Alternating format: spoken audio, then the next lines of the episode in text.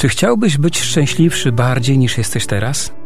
Czy wiesz, że Eucharystia posiada taką moc, że może z ciebie uczynić najszczęśliwszego człowieka na ziemi?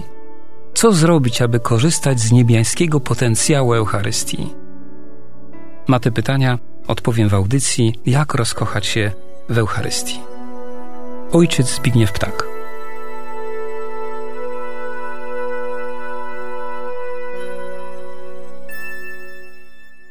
Zanim rozpoczniemy dzisiejsze rozważania na temat Eucharystii, proponuję krótką modlitwę. Najświętsza ofiara, jak wiemy, jest wielką tajemnicą wiary. Dlatego potrzeba nam ciągle Bożego Ducha, kiedy w nią wchodzimy, czy to przez udział w niej, czy przez jej rozważanie. Dlatego módlmy się teraz. Ojcze Wszechmogący, ofiaruję Ci krew Jezusa Chrystusa, krew wszystkich męczenników, cnoty i zasługi Jezusa, Maryi, Józefa i wszystkich świętych w połączeniu ze wszystkimi mszami świętymi do tej pory sprawowanymi i tymi, które do końca dziejów będą sprawowane w intencji naszego rozmiłowania się w Eucharystii, w intencji naszego głodu Eucharystii, w intencji bezustannego zadziwiania się nad Eucharystią. Amen. Błogosławię Was w imię Ojca i Syna i Ducha Świętego. Amen. Każdy z nas doskonale wie, że im większe wydarzenie, w którym uczestniczymy, tym więcej czasu poświęcamy na przygotowanie do niego. Wynika to z naturalnej potrzeby i pragnienia człowieka. Pokazuje nam też to życie. Na przykład, kiedy planujemy pierwszy w życiu wyjazd za granicę, będziemy przygotowywać się do niego tygodniami, ale następny wyjazd, dokładnie w to samo miejsce, będzie wymagał już mniej czasu na przygotowania. A jak jest w dziedzinie duchowej? Wiemy o tym, że świat duchowy jest nieskończenie bogatszy od świata materialnego. Również ten, od którego zależy cały ten świat, jest nieskończenie razy ważniejszy, świętszy od najważniejszego czy najświętszego człowieka żyjącego na ziemi. I teraz najważniejsze, czy ja w to wierzę? Oczywiście nie muszę w to wierzyć. Jednak jeśli wierzę w tę prawdę, że Bóg jest tym, od którego wszystko w moim życiu zależy, jeśli wierzę w tę prawdę, że Bóg jest największym szczęściem w życiu człowieka, jeśli w końcu wierzę w to, że do świątyni, na Eucharystię przychodzę w tym celu, aby uwielbić Boga i oddawać Mu chwałę, to czy mam prawo przyjść nieprzygotowany? Przecież od mojej obecności we mszy świętej zależy w dużej mierze moja wieczność, a nawet w jakiś niepojęty dla mnie sposób również wieczność moich bliskich. Powiedzmy sobie szczerze, Pan Bóg do niczego nie potrzebuje naszej obecności podczas Eucharystii, to ja jej potrzebuję. Kiedy uczestniczę w liturgii, rozwija się moja wiara. Wchodzę w bliskie relacje z Bogiem, mam do dyspozycji potencjał, do jakiego nie mają dostępu nawet aniołowie w niebie. A zatem to od wiary zależy, czy będę się przygotowywał do mszy świętej, czy nie. Jeśli ta wiara będzie płytka, infantylna, to będzie mi szkoda czasu na przygotowanie się do liturgii. Jeśli będę miał żywą wiarę, wówczas wszystko wykorzystam, aby przygotować się do Eucharystii. Zwykle mówiąc o przygotowaniu do przynajświętszej ofiary, wspomina się o przygotowaniu bliższym i dalszym.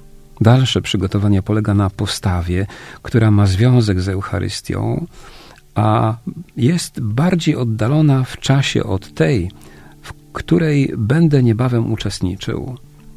Bliższe przygotowanie mówi o działaniach podejmowanych krótko przed liturgią mszy świętej, od chwili, kiedy podejmuję decyzję o udziale w tej konkretnej mszy świętej. W naszych radiowych spotkaniach, podczas których możemy bardziej szczegółowo opowiedzieć o ofierze Chrystusa i Kościoła, podzielimy przygotowanie do mszy świętej na trzy etapy – Pierwszym będzie przygotowanie dalsze, drugim przygotowanie bliższe, a trzeci rodzaj przygotowania nazwiemy bezpośrednim. Ma ono miejsce, kiedy jesteśmy już w świątyni, a nie rozpoczęła się jeszcze liturgia mszy świętej. A zatem zacznijmy od omówienia przygotowania dalszego. To, co usłyszymy w tym temacie, jest propozycją dla tych wszystkich uczestników ofiary eucharystycznej, którzy pragną rozwijać w sobie miłość do Jezusa Eucharystycznego. Konkretnych propozycji będzie sporo, aby każdy znalazł coś dla siebie. Jedne z nich będą znane, inne mniej znane. Wszystkie mają w sobie potencjał, by rozmiłować nas w jakimś stopniu w boskiej liturgii. Zawsze, kiedy głoszę Słowo Boże na temat mszy świętej, z wątkiem przygotowania do Eucharystii, stawiam wierne pytanie: od kiedy zaczyna się wychowanie dziecka? Niektóre osoby odpowiadają, że już w łonie matki. Ale kiedy ponad 200 lat temu zadano to pytanie Napoleonowi Bonaparte, jego odpowiedź była zupełnie inna. Według niego wychowanie dziecka rozpoczyna się 20 lat przed jego narodzeniem, czyli od wychowania jego matki, od jej dzieciństwa. Dokładnie tak samo można spojrzeć na liturgię. Wszystko, czym nasiąkamy od dzieciństwa, będzie miało wpływ na nasz udział w Eucharystii, a jest on większy niż nam się wydaje. Zanim przejdziemy do konkretów, przypomnę, że propozycje, które będę przedstawiał, są tylko propozycjami dla bardzo różnych osób i na różnym etapie ich zaangażowania liturgicznego. Punkt pierwszy. Warto mieć stały dostęp do tekstów liturgicznych. Najlepszy jest tym szalik z czytaniami lub przynajmniej prenumerata Oremusa, żywego słowa, czy też agendy niepokalanej. Jest jeszcze wiele innych pomocy. Punkt drugi.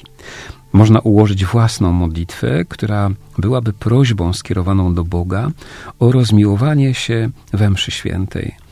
Oczywiście chodzi o to, by ją codziennie gorliwie odmawiać. Na przykład taka prosta modlitwa. Wszechmogący Boże, Ty dajesz mi na tej ziemi dar ponad wszystkie dary. Dajesz mi w komunii świętej żywego i prawdziwego Jezusa Chrystusa. Wzbudzaj we mnie głód Eucharystii. Podaruj mi łaskę zadziwienia nad tym, w czym uczestniczę. Wyryj w moim sercu znamie Eucharystii, abym jej podporządkował całe moje życie. Amen. Wypowiadaj eucharystyczne akty strzeliste, różnych chwilach dnia. Sytuacji, w których możemy wypowiadać pięciosekundowe akty strzeliste jest w ciągu dnia kilkaset i każdy je posiada. Wszystko zależy od tego, czy potrafimy znaleźć sposób, by o tym pamiętać. Czwarty punkt. Miej swojego patrona od Eucharystii. Módl się za jego przyczyną o miłość do Eucharystii. Jest bardzo wielu patronów rozmiłowanych w Eucharystii. Tak naprawdę przecież każdy święty był mniej lub bardziej rozkochany w Eucharystii. Punkt piąty. Załóż zeszyt, w którym będziesz notował teksty dotyczące Eucharystii przykłady, myśli, aforyzmy, a może własne refleksje. Punkt szósty. Oglądaj filmy dotyczące Eucharystii. Niestety jest ich niewiele, ale są. Najbardziej znanym filmem jest film animowany wprawdzie, ale przeznaczony dla dorosłych największy z cudów. Punkt siódmy. Posiadaj osobiste nabożeństwo do Przenajświętszej Eucharystii. To może być nowenna ku jej czci, koronka, litania czy cokolwiek innego. Punkt ósmy. Kiedy spożywasz chleb, niech on kojarzy ci się z Eucharystią. Punkt ósmy. Kiedy masz styczność z marnowanym chlebem, to reaguj na tę sytuację. Punkt dziesiąty.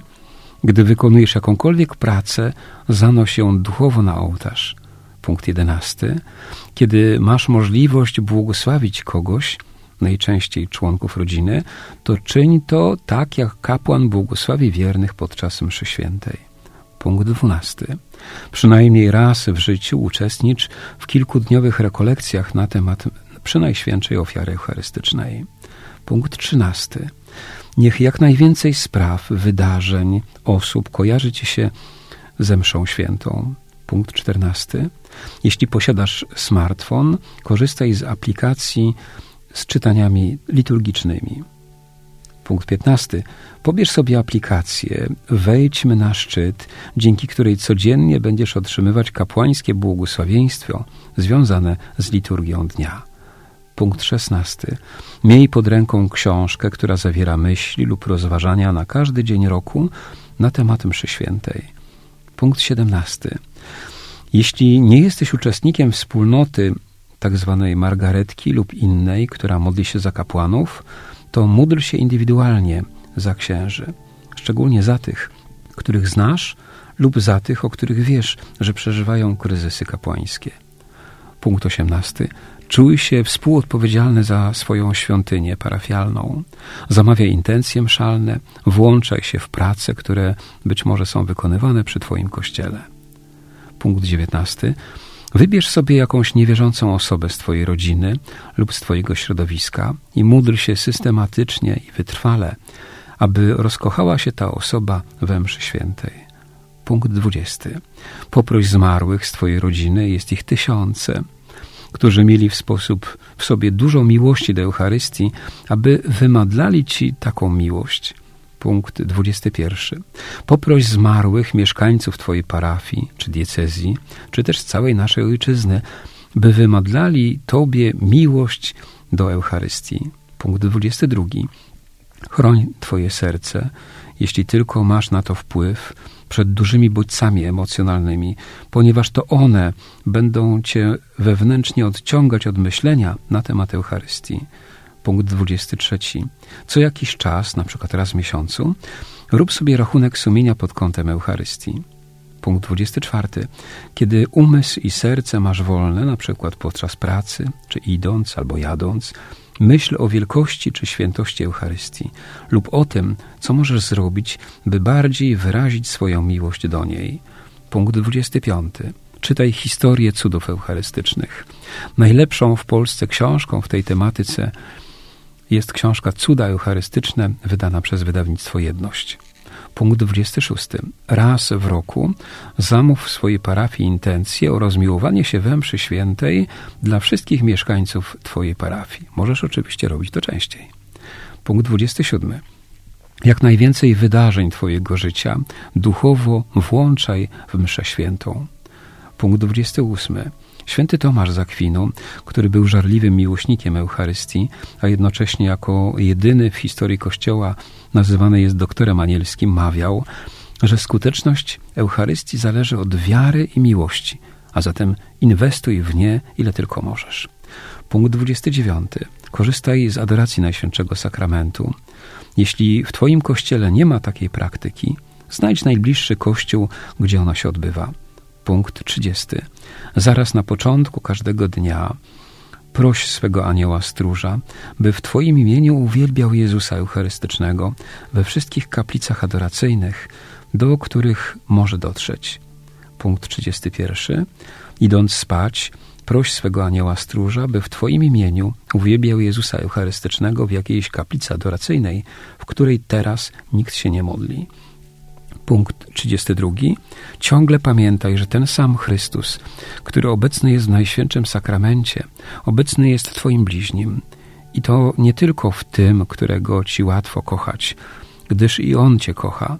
Chrystus bardziej obecny jest w tym bliźnim, który odarty jest z człowieczeństwa, w tym, który jest potrzebujący. I ostatni punkt, 33. Miej w swoim środowisku osobę, z którą mógłbyś porozmawiać na temat głębszego udziału we mszy świętej. Jeśli trudno ci taką osobę znaleźć, to poszukaj kapłana. Usłyszeliśmy 33 konkretne sugestie, jak rozkochać się we mszy świętej. Na zasadzie przygotowania dalszego. Jest jeszcze wiele innych pomocnych sposobów w tym celu. Zwykle u tych, którzy pragną rozwijać w sobie takie pragnienie, Duch Święty wzbudza natchnienie i kreatywne pomysły do realizowania tego dzieła. Wszystkich na koniec tego spotkania błogosławię w imię Ojca i Syna i Ducha Świętego i zapraszam za tydzień na ciąg dalszych naszych rozważań. Szczęść Boże.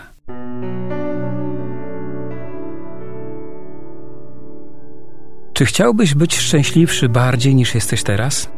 Czy wiesz, że Eucharystia posiada taką moc, że może z ciebie uczynić najszczęśliwszego człowieka na ziemi? Co zrobić, aby korzystać z niebiańskiego potencjału Eucharystii? Na te pytania odpowiem w audycji Jak rozkochać się w Eucharystii. Ojciec Zbigniew Ptak.